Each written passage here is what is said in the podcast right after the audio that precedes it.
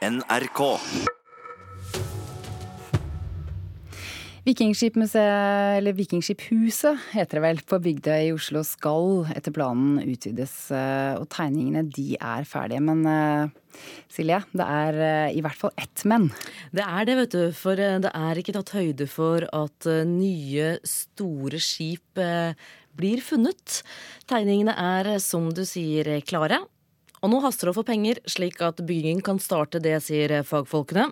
Men skal det gjøres plass til et ekstra skip, da må trolig planen endres. Vi har ikke planlagt eh, for nye skip, for nye vikingskip er noe som veldig sjelden eh, kommer fram. Innrømmer museumsdirektør Håkon Glørstad ved Vikingskipshuset på Bygdøy i Oslo. Her har man altså brukt flere år på å tegne et nytt vikingtidsmuseum, og så, akkurat når planene er ferdige, finner man det første vikingskipet på 100 år. Så det museet vi har planlagt nå og gjort ferdig planene med, er jo et museum for de tre vikingskipene vi allerede har. Betyr det at eh, museet eventuelt må endre planene for å få plass til et eh, Gjellestad-skip, dersom det skulle komme opp av jorden? Ja, skulle det komme et nytt skip opp av jorden, så måtte vi nok se på planene på nytt. Men å utsette å bygge det nye museet er heller ikke noe godt alternativ. Vikinggjenstandene som vi allerede har, er i så dårlig forfatning at de trenger et nytt bygg, slo en risikorapport fast allerede for seks år siden. Derfor vil Statsbygg, som er byggherre for museet, helst se at nybygget reises uten å ta hensyn til det nye skipsfunnet. Det sier kommunikasjonsdirektør Hege Njå Askim. Det ville være litt spesielt og kanskje litt underlig å planlegge for noe som overhodet ikke er gravd frem fra jorden ennå en gang, og som det er mange usikkerheter knyttet til. Vårt prosjekt har vi et oppdrag for, og vi vil gjerne komme i gang med det, sånn at vi sørger for å sikre de skipene som allerede er tatt frem, og de gjenstandene som trenger sikring, eh, ved å få satt i gang eh, byggeprosjektet så snart som mulig. Ville det ikke vært litt kjedelig å finne ut at Gjellestadskipet må graves opp av jorda, og så se at museet man nettopp har bygget er for lite til å ha plass til det? Det er mange mange ubesvarte spørsmål knyttet til dette spennende funnet. Eh, Og det tenker jeg at eh, arkeologer og museumsfaglige folk skal få lov til å ta stilling til og vurdere. Så får man jo også se om det skal vises noe sted, og da får den diskusjonen komme. Men arkitekten for det nye museet er avventende. Thomas Pedersen i Art Arkitekter sier de helst vil vite hva som skjer med Gjellestadskipet før byggingen starter. Det ville vært synd å ha tegnet noe som viser seg å bli for lite, sier han. Ja, jamen det er riktig, men altså, det, er jo, det er jo alltid best å endre et prosjekt før det er bygget. Og det er jo klart at uh, kulturarven er jo vanvittig viktig, og at øh, bygget her er jo sekundært. Så uh, er det det som den norske stat ønsker, at uh, der skal gjøres plass til et ekstra skip, så uh, det er selvfølgelig det der blir vår oppgave. Til nå så har man brukt eh, 100 millioner kroner på det nye museet, det opplyser Statsbygg.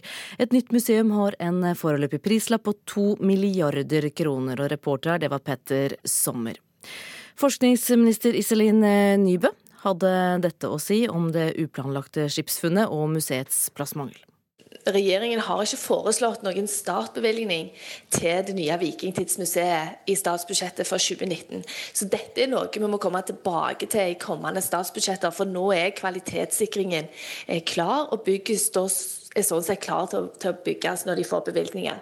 Men det funnet som er gjort nå, der er det mange undersøkelser som fortsatt gjenstår før vi vet hva som ligger der.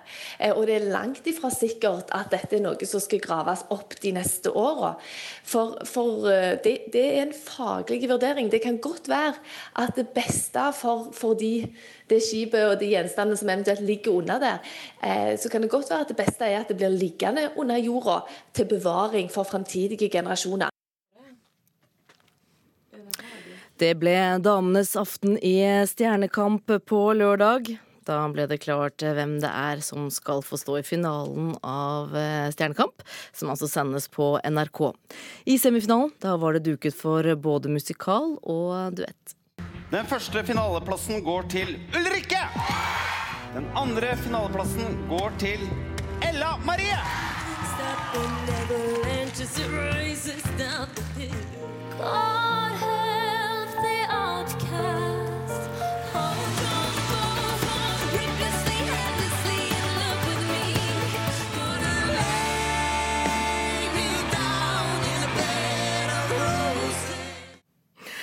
Ja, det er de to som klarte å synge seg til flest publikumsstemmer. Det var dere to, Ulrikke Brandstorp og Ella Marie Hetta Isaksen. Velkommen til Nyhetsmorgen, og gratulerer med finaleplassene. Tusen takk! Hvordan var det å få opplest eh, navnet sitt under eh, direktesendingen på lørdag? Eh, Det var surrealistisk, sykt og æ. Alt på en gang. Ja. Shit. Hadde det på samme måte. Ja, det var, altså, det, var jo, eh, det var jo et sjokk på mange vis. Altså, det, altså, man på en måte Jeg tror mange hadde sett for seg Ole i finalen, for han har levert altså, Ja, så bra hele sesongen.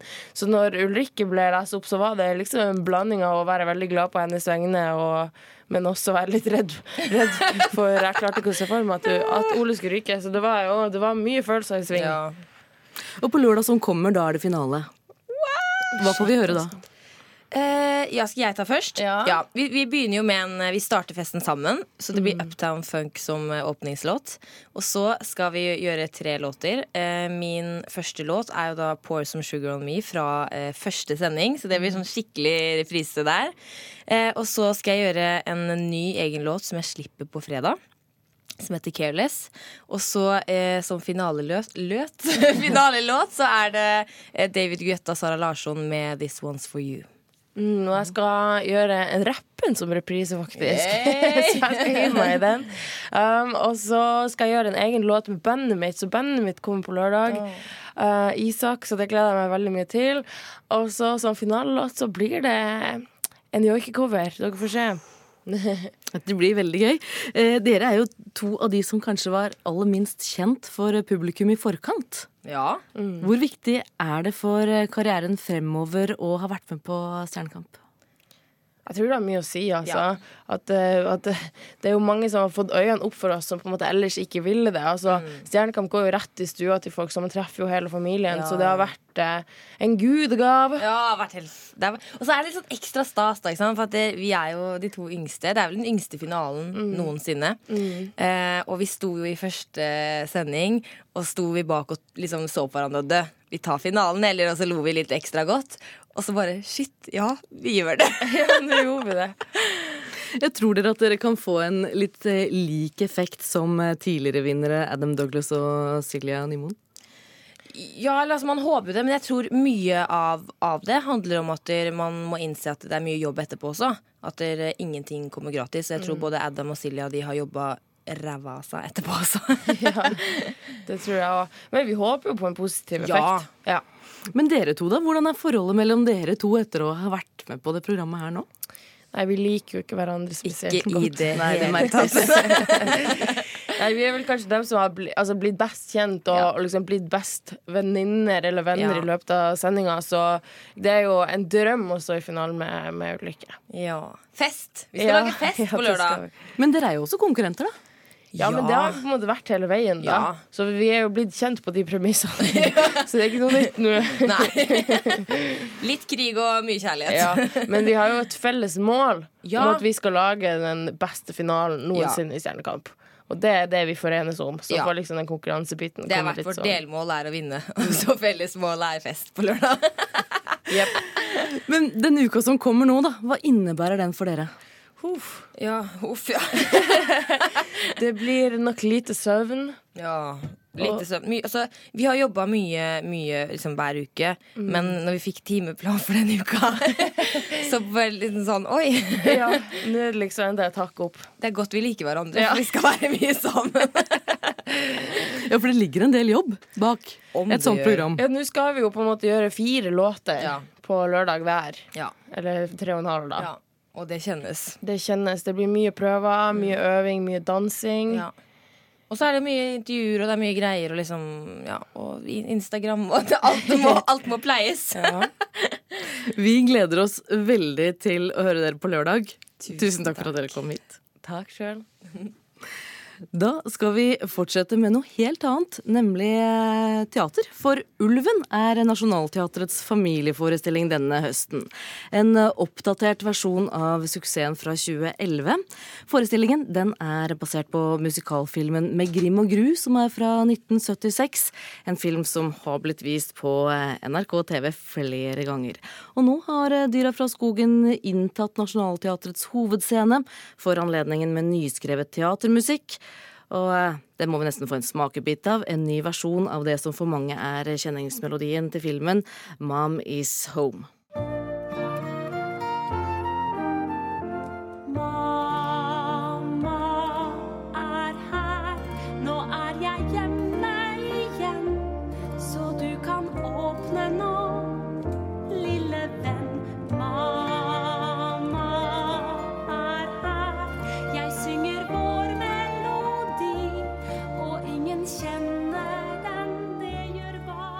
Ja, Det er eh, geita, altså Mariann Hole, som synger. Eh, teaterkritiker her i NRK, Karen eh, Frøsland Nystøy. La oss ta Åsmund Flatnes nyskrevne musikk aller først. Er den like god som originalen? Altså, Denne låta alene syns jeg ikke er det, men totalinntrykket mitt det er en helhetspakke som fungerer, med veldig variert musikk, spennende over flere sjangre og masse energi. Men jeg syns nok at den originale 'Mamma er her' eh, er mer spennende melodisk, f.eks. Eh, men når den synges flerstemt i slutten av forestillinga med alle dyra og mange gode sangere, så hører jeg jo at den fungerer. Så i denne settingen settingen så er den veldig fin. Eh, så er det òg sånn som i andre familieforestillinger med musikk for tida, så syns jeg at fellesnumrene er skrevet litt lavt. Altså de ligger litt lavt i toneleie, sånn at tekst forsvinner, og det nesten i noen partier brummes litt. Og jeg syns at det er veldig rart at dette skjer gang på gang i norsk teater. Med tanke på det registeret barn hører en melodi best i, og med tanke på hvordan barn best oppfatter musikk og tekst. Så det syns jeg er noe komponistene skal tenke på. Men dette er altså en rockemusikal? Hvilke ja. grep er det Nationaltheatret og regissør eh, Tyra Tønnesen har tatt for å trekke folk i høstmånedene? De har jo skrevet ny musikk, og det er jo ikke bare rock, det er veldig mange forskjellige sjangre. Så har de òg eh, laga helt nye kostymer, bunadsinspirert denne gangen. Det fungerer veldig fint, altså. Eh, og så frir de i veldig stor grad til de voksne, vil jeg si, i denne forestillinga. Jeg vet ikke om barna får med seg det, men det er, det er mye som går rett til et voksen publikum her. Det, det handler jo om ei geitemor som er aleine med barna og vil ha seg et eventyr. Hun vil ut og være fri fri, og så møter hun denne ulven som sjarmerer henne. Han er farlig og, og kul, liksom. Og hun drar fra barna sine for å gå på markedet. Eh, og det er jo til tider da elektrisk, rett og slett, mellom geita og ulven i disse nattlige møtene som de har, da. Totalt sett så tenker jeg at en runde til med 'kill your darlings', som man sier, altså å, å kutte inn forestillinga hadde vært lurt. Det er en fantastisk vakker scene med ei lerke som slippes ut fra et bur på dette markedet, som ikke hører hjemme i forestillinga i det hele tatt. Den er nydelig, og Mari Haugen Smistad som gjør den, hun gjør en kjempefin jobb, men den hører ikke med i denne historia her. Så sitter jeg og tenker, hvem er egentlig hovedpersonen? Er det geitemammaen som stikker? Eh, er det ulven som forestillinga har tittelen sin fra, eller er det egentlig barna som må ordne opp når de voksne ikke helt klarer å fikse livet sitt? Og der har jeg ikke landa. Der er forestillinga litt utydelig på hvem som er driveren, hvem som er utløseren og sånne ting. Men for barna så tror jeg det er spennende. For, uh, for deg, mest av alt, så tror jeg de tenker blir barna spist av ulven eller ikke? Og den delen fungerer godt. Ja, hva, hva var det du gledet deg mest over da, i forestillingen?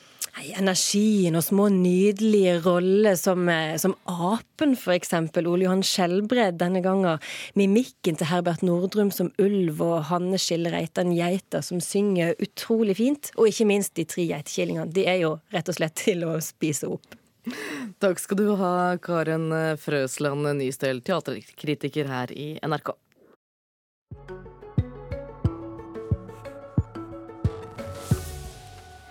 Dette er Nyhetsmorgen, og nå skal det handle om et kjempeløft.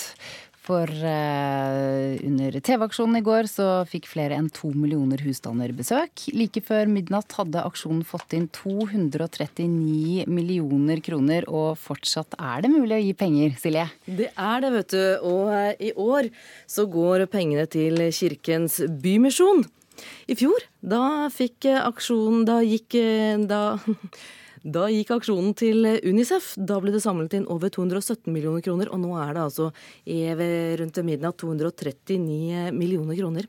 Vibeke Østby, du er leder for TV-aksjonen. Er 239 millioner eh, kroner det siste tallet vi har? Ja, det er det. Det begynner å nærme seg nesten 240, så det har vært eh, eventyrlig.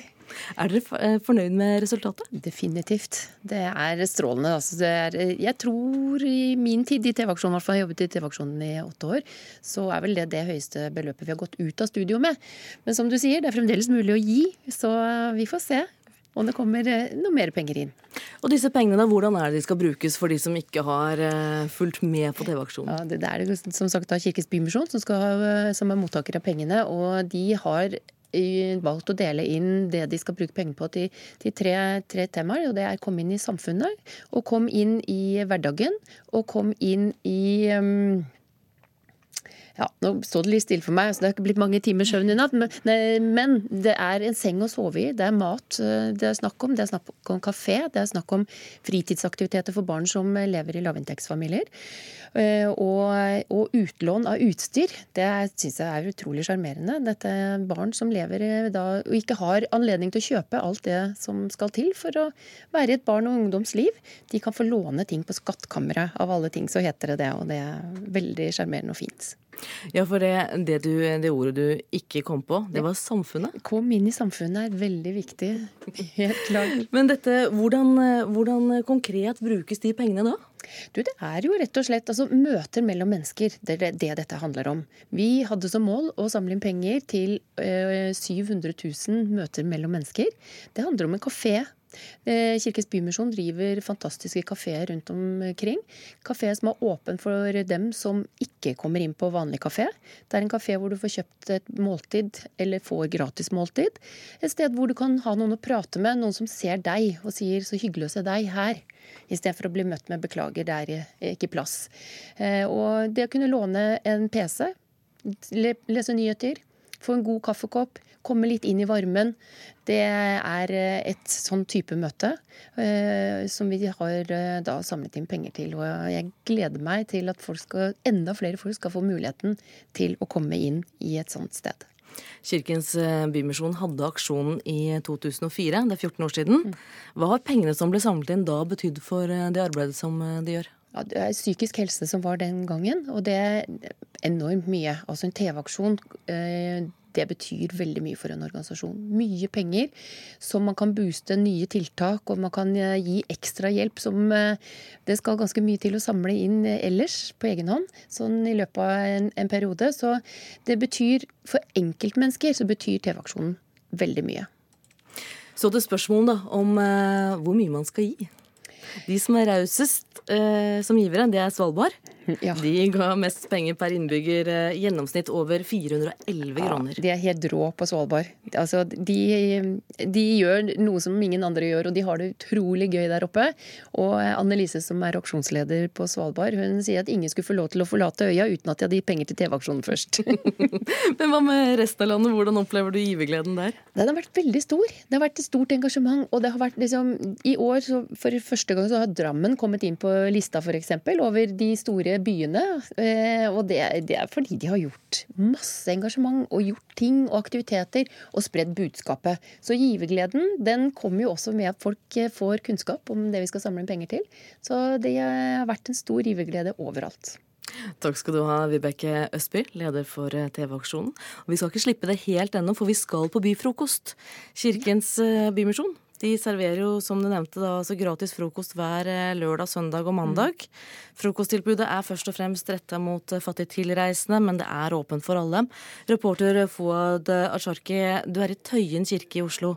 Er det mange som har kommet? Jeg ser en god del folk som står utenfor eh, vinduet her nå. De, og, de, står og venter på at eh, dørene skal åpnes og at frokosten skal serveres. Det skjer eh, klokka ni, så det er fortsatt litt tid igjen. Men ja, over ti personer som står og venter utafor. Mens her inne, hvor frokosten skal serveres, så er det flere frivillige som sitter her og planlegger frokosten, som da blir en fyldig suppe med brød til. Og, og så er det kaffe og boller også til de som ønsker akkurat det. Men først eh, et spørsmål til deg. Du er generalsekretær i Kirkens Bymisjon, eh, Adelheid Firing Vansdal. 239 millioner kroner. Hvordan føles det i dag? Ja, Det føles helt fantastisk. Det er en tillitserklæring fra hele det norske folk som vi i Kirkens Bymisjon skal bruke for å redusere utenforskap og mange flere møter. Folk har et sted å gå til og kjenner seg verdsatt og har tilhørighet. Hvordan var det å følge TV-sendingen i går? Ja, det Jeg var midt inne i TV-sendingen, sånn at eh, jeg tror ikke jeg har fordøyd det helt ennå. Men det, eh, først og fremst er jeg veldig glad for alle de fine historiene og alle de modige menneskene som i løpet av denne kampanjetiden har stått fram med sin historie og betydningen av møter som har endret deres liv. Og så har jeg lyst til å si at liksom når klokka ble langt på natt og resultatet var der, så hadde jeg også en liten følelse av at vi hadde gjort Norge litt varmere og mer inkluderende. Sigmund eh, Ruud, du er virksomhetsleder her på Bymisjonssenteret i Tøyenkirken. Eh, det er like før frokost nå. Eh, hvor mange er det som vanligvis pleier å bruke dette tilbudet? Varierer litt gjennom de ulike dagene. Vi har åpent eh, lørdag, eh, søndag og mandag. Mandag er det litt færre gjester, for da er det en del som er ute på byen med tiggerkoppen sin. Det er inntektsgrunnlag på en mandag. Søndag er en rolig dag. Da har vi absolutt flest gjester. Vi har vært oppe i 200 gjester. I dag forventer jeg kanskje at det kommer en åtte gjester her for å spise frokost. Dere har som sagt eh, frokosttilbud kun tre ganger i uka. Blir det flere ganger nå etter TV-aksjonen? Ja, Det er ett av tiltakene som vi skal. Det er mat hele uken. Så vi kommer til å utvide et serveringstilbud enten her eller på akuttovernattingen. Så vi skal øke vår servering, men det er andre satsingsområder som nesten er enda viktigere.